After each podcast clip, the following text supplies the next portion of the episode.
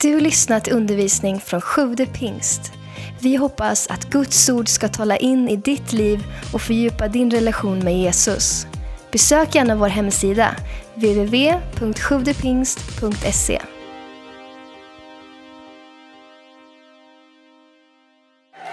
Det här ska bli så roligt. Alltså jag heter ju som sagt då Madeleine. Jag är gift med min man Jonathan. Jag har fyra barn. Känner mig som 16 men jag är 32. Eh, så här är det, jag eh, har nu 10 minuter på mig och eh, ni kommer få lyssna sen till Hanna. Hanna hon är liksom ung, cool tjej. Du vet, sista året på gymnasiet. Jag bara känner så här, eh, hon, hon kommer ju äga här ikväll.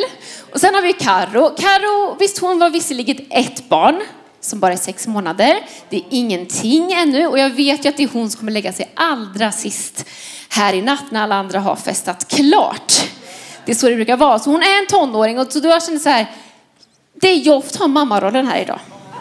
Så jag tar på mig stora mammakavajen och ni ska få en titel här på mina tio första minuter, eller första minuter, mina tio minuter. Som lyder Morsans bästa relationsråd. Är ni redo för det? Jättekul. Det, det finns massor att säga om det här, men jag har valt några få grejer som eh, jag eh, skulle vilja dela med mig av, som jag tror kan vara till nytta. För jag, när jag ser ut över er ser jag att de flesta av er är yngre än mig. Så jag tror att jag har lite eh, någonting som jag, ja, jag har gått vägen ni vandrar, så att säga. Jag är ju mamman här nu då. Så att vi ska gå igenom några saker. Några viktiga relationer som du har i ditt liv som är väldigt viktiga. Vi börjar med nummer ett. Dina vänner. Det finns ett ordspråk eh, och det säger så här. Säg mig vilka vänner du har så ska jag säga vem du är. Och det här ordspråket säger ganska mycket faktiskt. Jag vet inte om du har tänkt på det men eh, vi, man blir som man umgås. Alltså vet, det finns så många konstiga saker jag har gjort i mitt liv för att så här, vi bara gjorde det. Alltså mitt gäng gjorde så bara. Jag vet inte, jag pratade med min man här om kvällen. Han berättade om när han var liten och jag tyckte det var så roligt för att du vet, han är en sån här liten pastorspojke från Bromölla och när han var typ så åtta år som typ min äldsta kille är nu eh, så skulle han samla på saker precis som man gör. Man samlar på bokmärken och sånt där som jag håller på med. Men vet du vad han samlade på? Ja, bibelord tror Simon här. Nej, alltså han samlade på kondomer som åttaåring. Och varför gjorde han det? Jo, det var för att alla hans kompisar i hans klass gjorde det. Man bara, man bara gör. Han visste inte ens vad det var för någonting. Förstår ni? Alltså jag tror fortfarande i och för sig inte att han vet vad det är för någonting. Men eh, vi går vidare. Men hur den är. Så, ja, det går bra att applådera. Jättebra. Men hur den är så gjorde han ju det här bara för att hans kompisar gjorde så. Och det är så att våra vänner, de vänner som vi väljer att ha i vårt liv, de drar ut både bra och dåliga saker ur oss. Välj dina vänner vist. Det står så här i första Korintierbrevet 15 och 33. Låt inte bedra er. Dåligt sällskap fördärvar goda vanor. Och jag tänker inte säga jättemycket mer om det, för jag har bara tio minuter, jag måste vidare. Men jag vill bara skicka med det. De vännerna som du väljer, för det är du som väljer, och håller dem nära, de är viktiga. Välj de som drar ut goda och bra saker ur dig. Jag kan bara, alltså det här är en liten extra grej som jag bara skickar med. Alltså jag tror det finns olika sorters relationer man kan ha också. Jag och min man Jonte, vi har liksom utvecklats någon slags modell hur vi liksom försöker hitta olika sorters vänner i våra liv som vi tror är väldigt nyttiga. Nummer ett, vänner som du kan vara helt avslappnad med. Du kan vara dig själv, du behöver inte tänka, du kan bara vara den du är. Det är väldigt bekvämt, det har de flesta. Sen behöver du vänner som utmanar dig som du ser upp lite till, som tycker så här, ah, men de har kommit lite längre, de här liksom, när jag är med de människorna så utvecklas jag. De drar ut, alltså jag, jag växer med dem. Sen kan det vara bra att tänka så här, att du kan vara den människan för någon annan. Att välja vänner som sagt behöver dig faktiskt. Det du kan lyfta upp dem och det du kan dra upp dem och inspirera. Superbra! Alltså jag vill vidare för jag kommer till min sista punkt sen, det är den viktigaste. Men innan så ska vi ta en annan relation som jag jättegärna vill säga någonting om. Och det är the one. Förstår ni vem vi pratar om? Hur många här drömmer att någon gång få gifta sig med någon? Är det några? Hur många är singlar här inne? Herman, du verkar helt ointresserad. Jag bara, han är inte det. Men det är ganska många. Är det några som är gifta här inne? Ja, det finns några stycken. När det gäller den här grejen, jag växte upp med en jättefel bild av det här när jag var tonåring kan jag säga.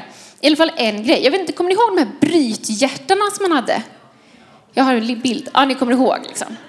Så gick jag ju runt min tonår. Jag bara, att vet, alla människor gick runt man känner sig inte riktigt så här, det är något som fattas. Det är liksom inte, man kommer inte till rätt. Man tänker så här, men när jag träffar min drömman, det är då jag blir hel. Jag gick runt med min liksom halva lilla hjärtedel som skulle passa perfekt i någon annan.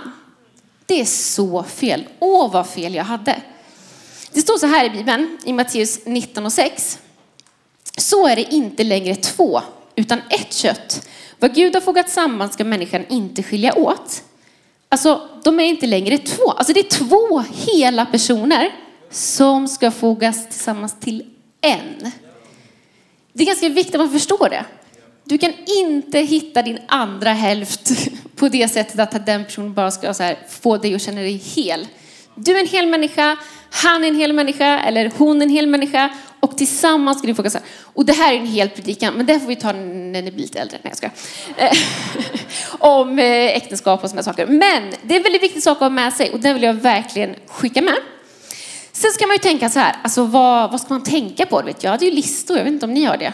Hur ska han se ut? Och sådana saker. Ska han ha långt, lockigt, mörkt hår, bruna ögon och sådana saker. Eh, jag hade några sådana här grejer, men min mormor, hon sa någonting till mig och det var typ bland det bästa jag har hört.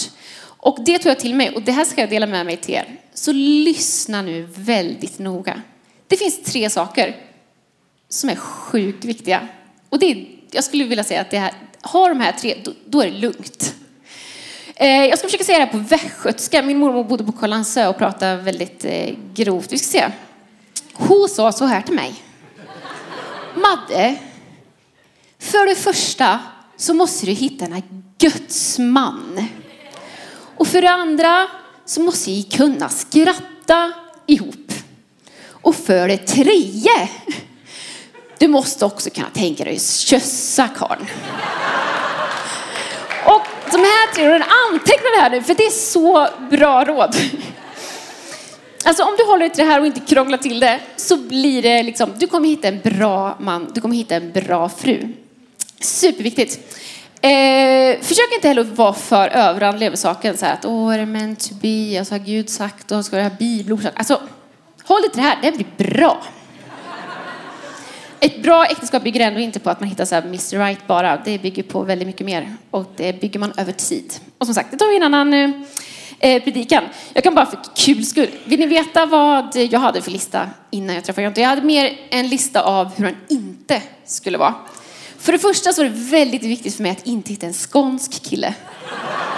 Alltså med skånska. Jag förstår ju inte ens vad de säger. Det är lite, det är lite svårt. Det är inte så charmigt tycker inte jag. Då. Sen var det väldigt viktigt, jag vill inte ha en hårig man. Han var tvungen att vara kal på bröstet. Och eh, jag vill absolut inte ha någon pastorspojk som skulle hänga i kyrkan och frikyrko. Tunt! Och alltså, jag tror jag har en bild på honom här. Ja. Vi ser. Men han kollar in på de andra tre, så det blir bra. Visst är han snygg ändå? Det blev bra. Jag gillar både hans skånska, han står på bröstet och att han är passionerad för Jesus.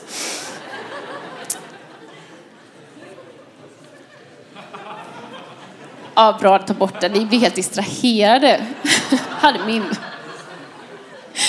Jättebra. Det här nu har jag gått igenom så här, två stycken typer av relationer som jag kände att jag ville verkligen säga någonting om. För jag tror att det är bra saker att ha med sig. Men nu ska jag gå in på min sista som är den allra, allra viktigaste. Och min tid går så fort så nu kör vi här. Jesus.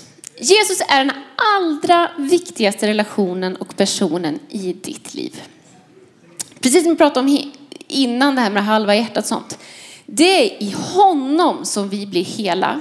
Det är i honom som vi hittar vilka vi är.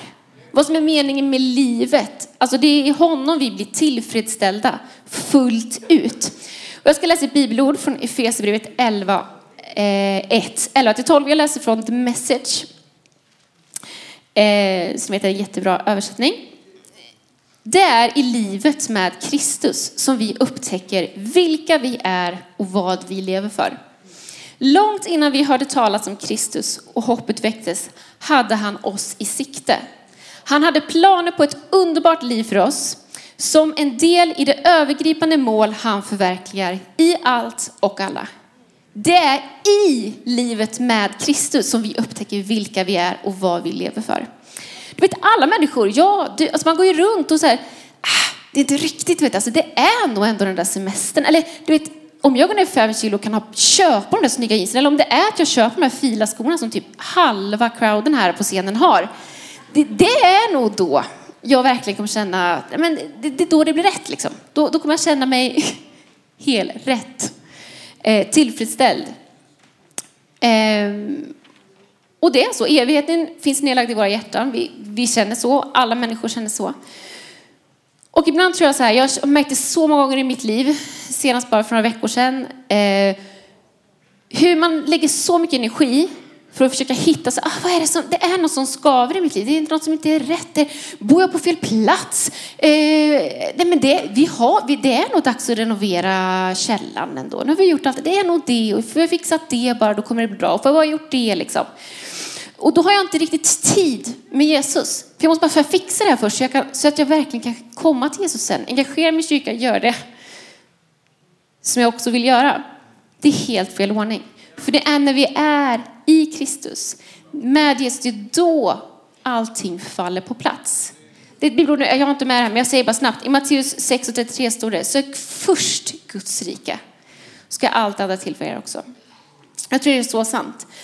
Eh, så även om jag har massa relationstips, det viktigaste, viktigaste, viktigaste, viktigaste av allt, det är alltså att vara i Jesu närvaro, vara nära honom. För då, då löser jag allt det andra också. Okej? Okay? Nu har ni fått tre ja, områden med lite råd från morsans eh, rådförråd.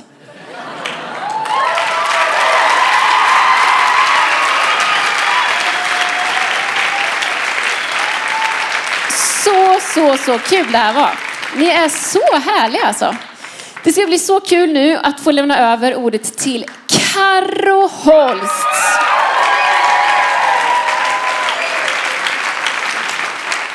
Här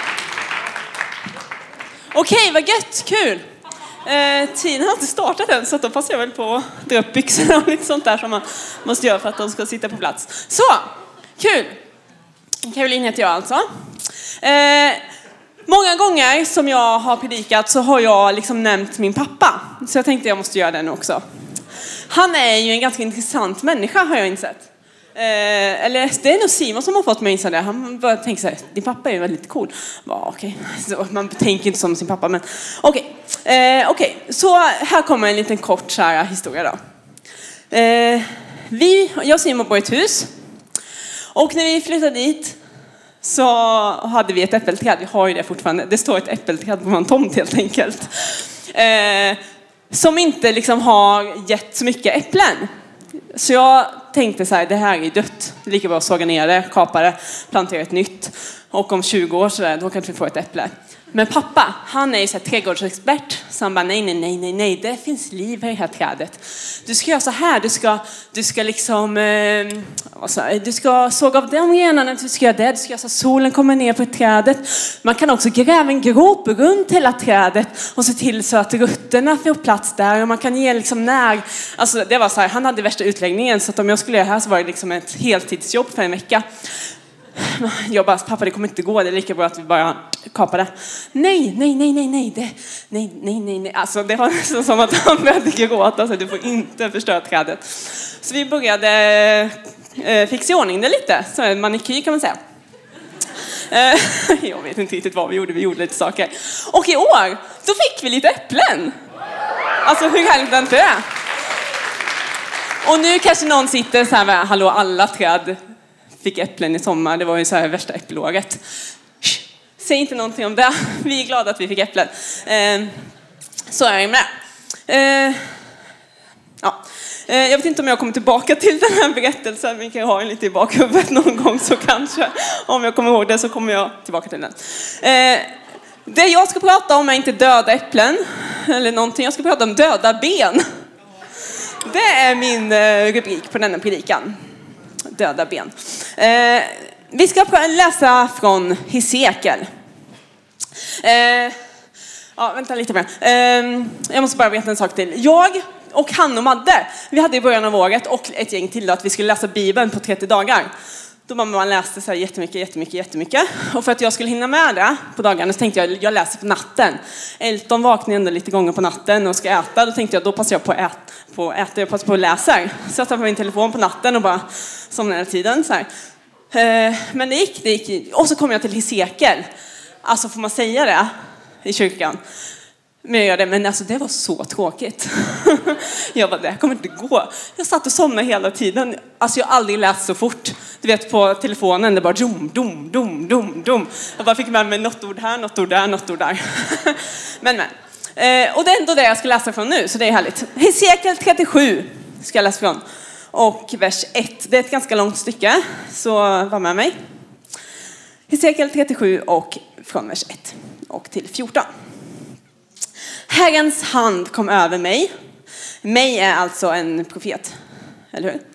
Han som skriver. Herrens hand kom över mig och genom Herrens ande förde, fördes, fördes jag bort och sattes ner mitt i en dal som var full av ben. Han förde mig fram bland dem och se, de låg där i stora mängder över dalen och se, de var alldeles förtorkade. Han sa till mig, människobarn, kan de här benen få liv igen? Jag svarade, Herre Gud, du vet det. Då sa han till mig, profetera av dessa ben och säg till dem, ni förtorkade ben, hör Herrens ord. Så säger Herren Gud till dessa ben. Se, jag ska låta ande komma in i er så att ni får liv. Jag ska sätta senor på er och låta kött växa ut på er och täcka er med hud och ge er en ande så att ni får liv. Och ni ska inse att jag är Herren. Jag profeterade som jag blivit befalld och när jag profeterade hördes ett ljud. Det blev ett rassel och benen kom tillsammans så att ben fogades till ben. Medan jag såg på väckte senor och kött på dem och de täcktes med hud. Men ännu fanns det ingen ande i dem. Då sa han till mig, profetera till anden. Jag profeterade människobarn och säg till anden, så säger Herren Gud. Kom, du ande, från de fyra väderstrecken och blås på dessa slagna så att de får liv. Och jag profeterade som han hade befallt mig. Då kom anden in i dem och de fick liv och reste sig upp på sina fötter, en mycket stor skara. Han sa till mig, människobarn, dessa ben är hela Israels hus. Se, de säger, våra ben är förtorkade, vårt hopp är ute, det är slut med oss. Profetera därför och säg till dem, så säger Herren Gud, se jag ska öppna era gravar och hämta upp er mitt folk ur era gravar och låta er komma till Israels land. Ni ska inse att jag är Herren. När jag öppnar era gravar och för er upp mitt folk ur dem. Jag ska låta min ande komma in i er så att ni får liv och jag ska låta er bo i, ett, i ert land. Och ni ska inse att jag, Herren, har sagt det och att jag har gjort det, säger Herren. Och jag ska andas, jag kände att jag inte andas någonting. jag är inte så bra på att hålla andan. Ja. Så. Eh. Just det. Eh, jag läste ju här för ett tag sedan, då tänkte jag att det här var på riktigt. Då fick jag lite så Game of Thrones-feeling, så att det var bara en hel jättestor grav med bara massa döda människor som bara de fick liv och började gå. Så undrade jag, så här, vart tog alla människor vägen? Sen fattade jag ju att det inte hände på riktigt, utan det var en syn. Ja. Eh, Okej, okay. Hesekiel då, som har skrivit det här, han är, exil, eh, eh, är i exil i Babylon, alltså ett land som eh, han inte kommer ifrån. Han var alltså ett annat land i exil. Eh, och innan det här händer så har Hesekiel hört att Jerusalem har fallit, templet har förstörts. Alltså det är fullständigt eh, katastrof och det kunde innebära slutet för Israels folk. Och helt enkelt kan man säga att mänskligt sett var det kört. Eh, men i allt detta så kommer då Gud och ger Hesekiel denna syn. Och det är ganska lätt för Hesekiel att förstå att det här är en liknelse av Israels folk som är liksom helt utan hopp. Eh, men det som är dött för oss, det är inte slutet för Gud. Eh, första punkten är, kan de här benen få liv igen? Det står i vers 3. Han sa till mig, människobarn, kan de här benen få liv igen? Gud frågar Hesekiel om benen kan få liv igen. Allt verkar kört. Och i mänskliga ögon så är det helt omöjligt att de här benen kan få liv. Eh, och jag vet inte hur det är med dig, men, men eh, man kan känna igen sig i det här. Att eh, man någon gång har varit med om någonting som känns väldigt hopplöst. Det känns mörkt, det känns som att allt hopp är ute, det är helt dött. Eh, och du kanske är i en sån situation just nu där du känner så här att det här är hopplöst. Kan de här benen få liv igen? Du kan känna nej, det går inte. Ehm, du kanske känner dig misslyckad, du känner dig skamsen, du känner dig helt enkelt som att allting är dött. Det kan handla om en trasig relation, det kan handla om, om framtidsplan som inte blev som de skulle, det kan handla om sjukdom, det kan handla om vad som helst, att det inte blev som du hade tänkt, det kan handla om förlorat jobb, vad som helst. Du kan känna att det är hopplöst. Men i den situationen så vill Gud kliva in. Eh, Gud ser något större än bara döda ben. Eh, han ser något större än din situation. Gud ser potential och vad som kan bli. Och, och, han vill också öppna det och få dig att tänka efter vad Gud vill göra. Kan de här benen få liv igen? Eh, I vers 4 så står det så här. Eh, nästa punkt som är profetera över dessa ben. Eh, så säger han så här. Då sa han till mig, profetera över dessa ben och säg till dem bla bla bla. bla. Gud säger till Hesekiel att han ska profetera över benen. Eh, Profetera är alltså tala Guds ord.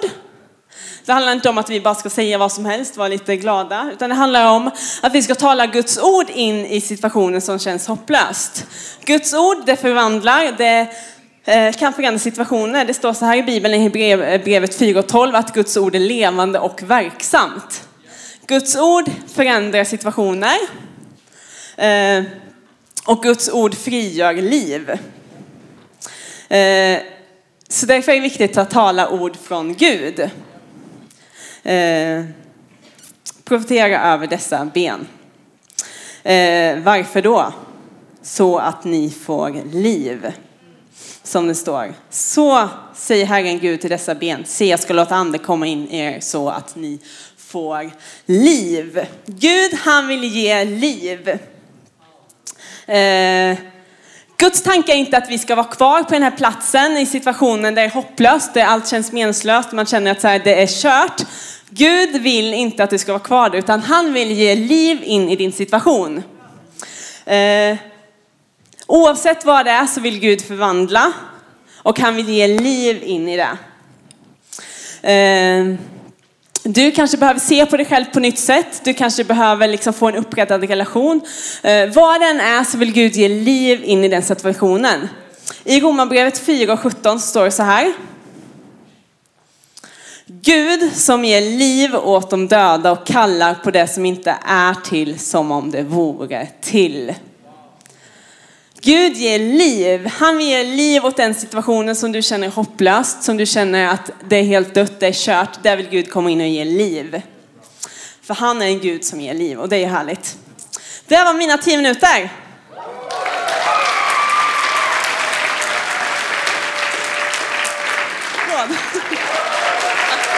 Wow. Jag skulle säga så jag var från mina papper först. Hej!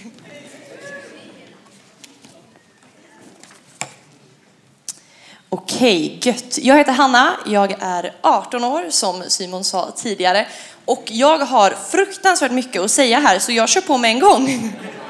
Okej, eh, jag tänkte också börja precis som Karo med att prata lite om min pappa. Eh, när jag var liten, kanske sådär 4-5 år, eh, så älskade jag att få sitta på min pappas axlar. Han älskade att vara ute och gå och gå i naturen och sådär och då fick jag ofta sitta på hans axlar och det tyckte det var jättekul. Och då var det en morgon, det var, det var vinter ute, det var snö. Eh, jag och pappa hade varit själva hemma så vi hade gjort god frukost, sen tagit på oss alla vinterkläder och tagit oss ut. Eh, jag hoppade upp på hans axlar eh, och sen så traskade vi ut mot dagis och jag var ju såklart jätteglad. Och precis när vi kommer ut från vår uppfart och ut på gatan så tar vi något steg och sen så det är blankis under snön här. Och min pappa ramlar baklänges och jag som sitter på hans axlar, 4-5 år, ramlar också baklänges med huvudet först rätt ner i backen. Ni förstår ju, det här var helt fruktansvärt. Men det gick faktiskt bra. Det blev ju som det blev. Nej, jag skojar. Men det gick faktiskt bra. Eh, vi åkte till vårdcentralen, kollade upp det, jag hade en lätt hjärnskakning, men det var inget värre än det. Och det här har inte jag tänkt på på väldigt länge. Förrän för några månader sedan, då var vi hos min farmor. Eh, Och sen så kom vi på det här, så pratade vi om det. Just det, vi ramlade sådär och jag bara, ja det har inte jag tänkt på på jättelänge. Och då säger min pappa att det där tänker jag på fortfarande. Och varje gång jag tänker på det så får jag ont i magen. Det hugger till fortfarande och det var ju 14 år sedan liksom. Och det här fick mig då att tänka på att, okej vänta, om min pappa får så ont i magen för att någonting skulle kunna hända mig, för att jag skulle kunna bli skadad, för att jag skulle kunna bli kanske förlorad, liksom. Det hade kunnat gå riktigt illa. Hur ont gör det då inte för Gud när vi vandrar bort ifrån honom? Hur ont gör inte det för Gud? Och min rubrik idag är Found, Rescued and Renewed. Det är i nåd och kärlek genom Jesus Kristus som Gud har en längtan för att varje människa ska få tag på honom. För att varje människa ska få bli found, rescued and renewed. Att vi ska få bli funnen hos Gud. Eh, att Gud ska få rädda oss och att vi ska få bli förnyade. Han har kallat oss till ett nytt liv, okej? Och jag kör på här nu. Vi kommer läsa Lukas evangeliet, så slå upp det med en gång. Eh, kapitel 15, vers 1-7. Jag hade redan uppslaget. Så snabb var jag, kan någon slå mig? Nej. Ja, det här är då liknelsen om det förlorade fåret. Och många av er har kanske hört, eh, hört den tidigare, hört den i söndagsskolan eller hört den predikas om massa gånger. Och så tänkte jag sen när jag skulle välja den, ah, är det verkligen rätt story att välja? De har säkert hört, är det inte lite tråkigt? Är det inte lite, alltså, då, folk har väl hört det här och sen så kände jag bara, nej, vi får inte sluta förundras över Guds ord, okej? Vi läser det här igen och jag tror verkligen att Gud kan få tala till dig idag oavsett i vilken situation det är i och oavsett hur många gånger du har hört det här, okej? Vers 1. Alla tullindrivare och syndare höll sig nära Jesus för att höra honom. Men fariseerna och de skriftlärda kritiserade honom ständigt och sa, den här mannen äter med syndare, tar emot syndare och äter med dem. Då berättade han, alltså Jesus, denna liknelse för dem. Om någon av er har hundra får och förlorar ett av dem, lämnar han då inte de 99 i öknen och går ut efter det förlorade tills han finner det? Och när han har funnit det blir han glad och lägger det över sina axlar. När han sedan kommer hem samlar han sina vänner och grannar och säger till dem, gläd er med mig, jag fann mitt förlorade får.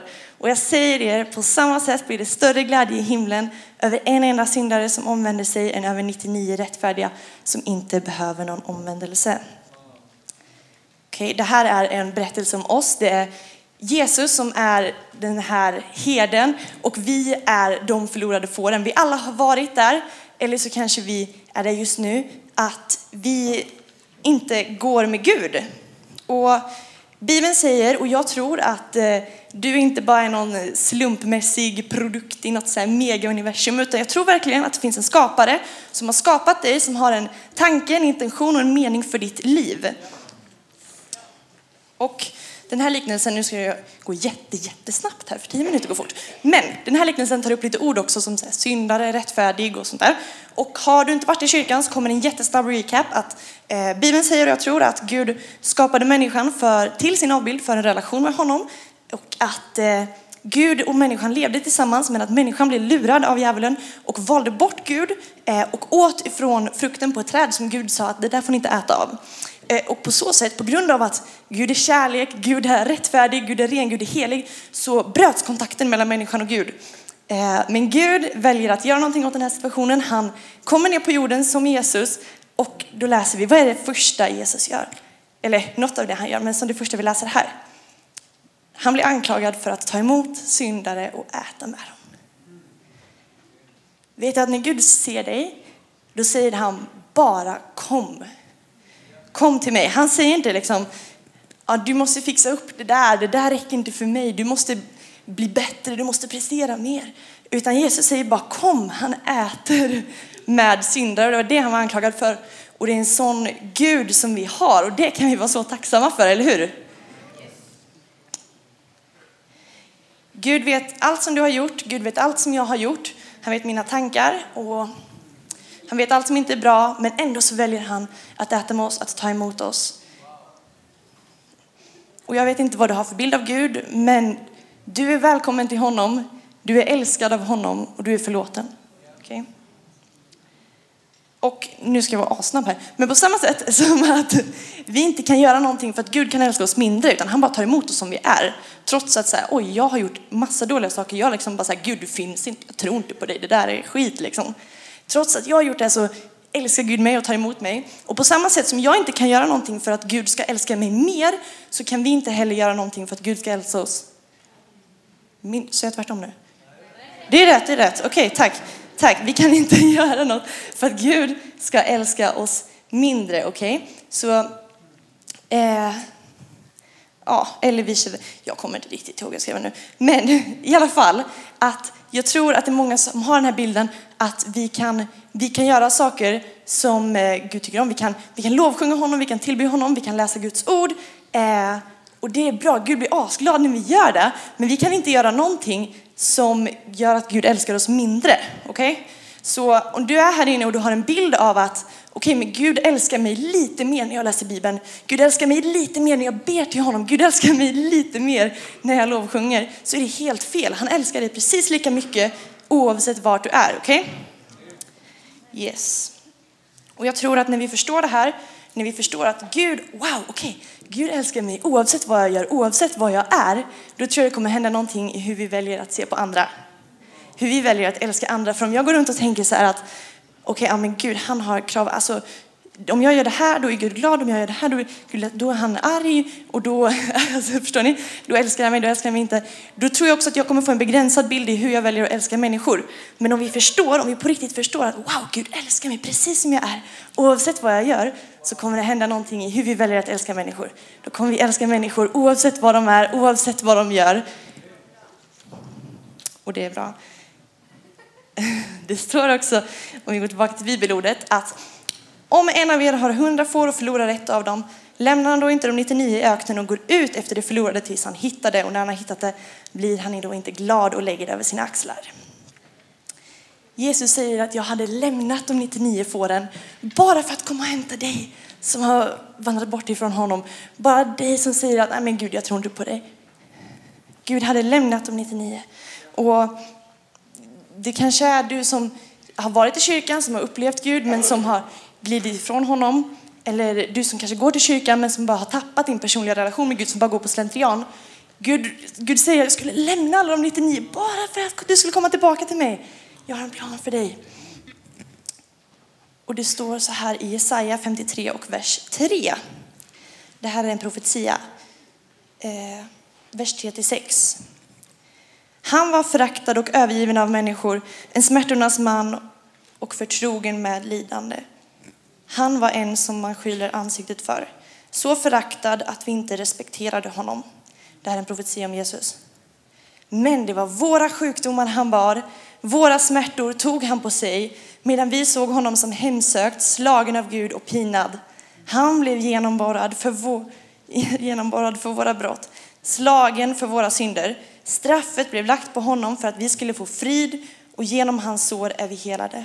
Vi gick alla vilse som får, var och en gick sin egen väg, men all vår skuld la Herren på honom. Okej, okay, jag tror vi måste fortsätta förundras över frälsningen, fortsätta förundras över vad Gud gör, hur stort det är. Vi gick alla, den här storyn gäller oss alla, vi gick alla vilsen som får, men all vår skuld la Herren på honom. Det står i bibelordet att på samma sätt blir det större glädje i himlen över en enda syndare som omvänder sig, 99 rättfärdiga som inte behöver någon omvändelse.